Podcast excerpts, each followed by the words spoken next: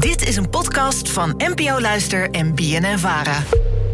Hoi hoi, ik luister altijd erg graag naar jullie podcast, maar zelf heb ik ook een vraag. Ben je aan het weer? Bijvoorbeeld als het koud wordt, dat het na een paar dagen of weken minder koud voelt? Alledaagse vragen. NPO Luister. Dankjewel Wendy voor het insturen van je vraag. En voordat we deze gaan beantwoorden, heeft Merel nog een huishoudelijke mededeling. Uh, ik dacht voor de vaste luisteraar sowieso wel prettig om te weten dat ik de komende zes weken niet mee zal werken aan alledaagse vragen. Niet omdat ik het stom vind, maar omdat ik vakantie heel lekker vind. En omdat ik daarna een lange tijd bij uh, Radio 1 aan de slag ga. En daarna ben ik er natuurlijk weer.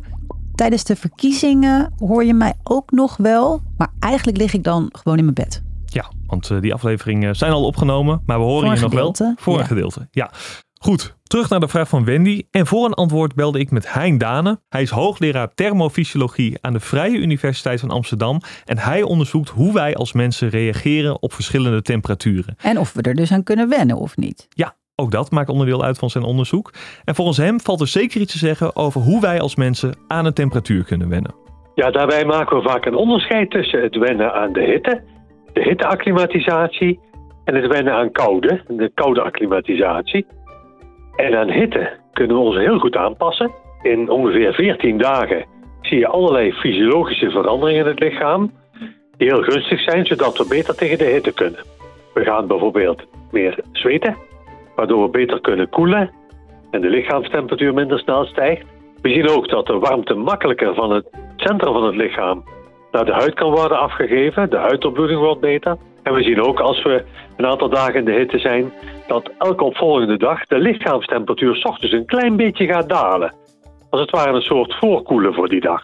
Ik hoor hem eigenlijk zeggen: aan hitte kunnen we uh, heel aardig wennen, aan kou niet. En, of niet, maar slechter. En ik moet dan denken aan allemaal van die Wim Hof-achtige ijsbaden, waarin volgens mij het hele idee is als je maar lekker door blijft ademen, dan went ook dit. En dan kan je hier heel goed tegen. Hoe zit dat dan? Ja, nou, dat heb ik Hein ook voorgelegd. Hoe we met kou omgaan. En volgens hem zit dat zo. Ja, met koude is dat eigenlijk nauwelijks het geval. We zien wel een klein beetje aanpassing van de mens aan milde kou. Dus als ik elke dag de thermostaat wat lager zet, bijvoorbeeld op 15 graden, die op 22, dan zie je dat bij een mens wat meer bruin vet gevormd kan worden en ik iets meer warmte kan produceren.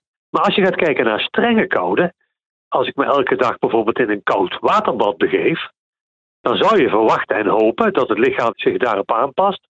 Maar het tegenovergestelde is het geval. Wat we dan eigenlijk zien is dat mensen niet meer warmte gaan maken. Maar als je elke dag in een koud bad gaat zitten, dat je dan steeds sneller af gaat koelen. Wat wel gunstig is, is je, het voelt veel minder koud.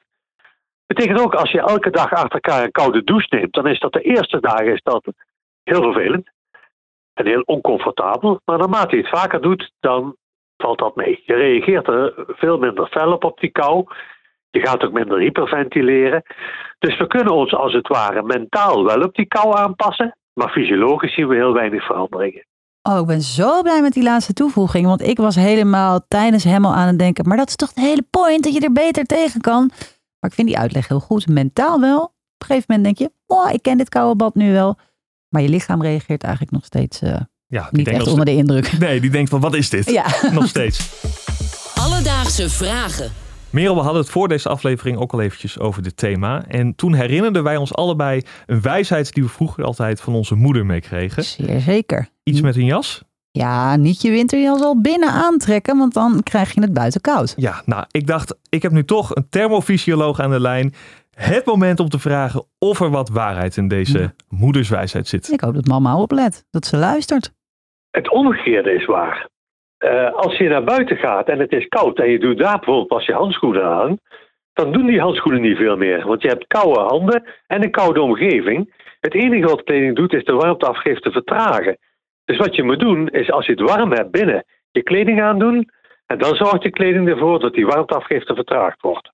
Dus binnen je kleding aandoen voordat je de kou in gaat, dat is het meest effectief. Maar als je hem natuurlijk heel, heel lang in de warmte binnendraagt, ja, dan word je heel warm en dat is ook weer niet de bedoeling. Jeetje, het is toch niet makkelijk hoor, Aaron. het is een dun koord waar je op wandelt. Ja, ja, ja wat moet ik er verder over zeggen? Dus Wendy, Vandaag zocht voor je uit of je aan een temperatuur kan wennen. En als mensen kunnen we ons over het algemeen goed aanpassen aan warm weer. In 14 dagen past ons lichaam zich zo aan om beter tegen de hitte te kunnen. Maar tegen kou kunnen we veel minder goed. Wel is het zo dat je metaal kan wennen aan kou. Waardoor bijvoorbeeld elke dag een ijskoude douche als minder vervelend aanvoelt. Maar voor je lichaam zal het niet veel verschil maken. Heb jij ook een vraag? Stuur eens dan een berichtje op Instagram. Dat kan naar Alledaagse Vragen. Maar je kan ons ook mailen op alledaagsvragen.bnnvara.nl en dan zoek het voor je uit. Alledaagse Vragen. NPO Luister. BNN Vara.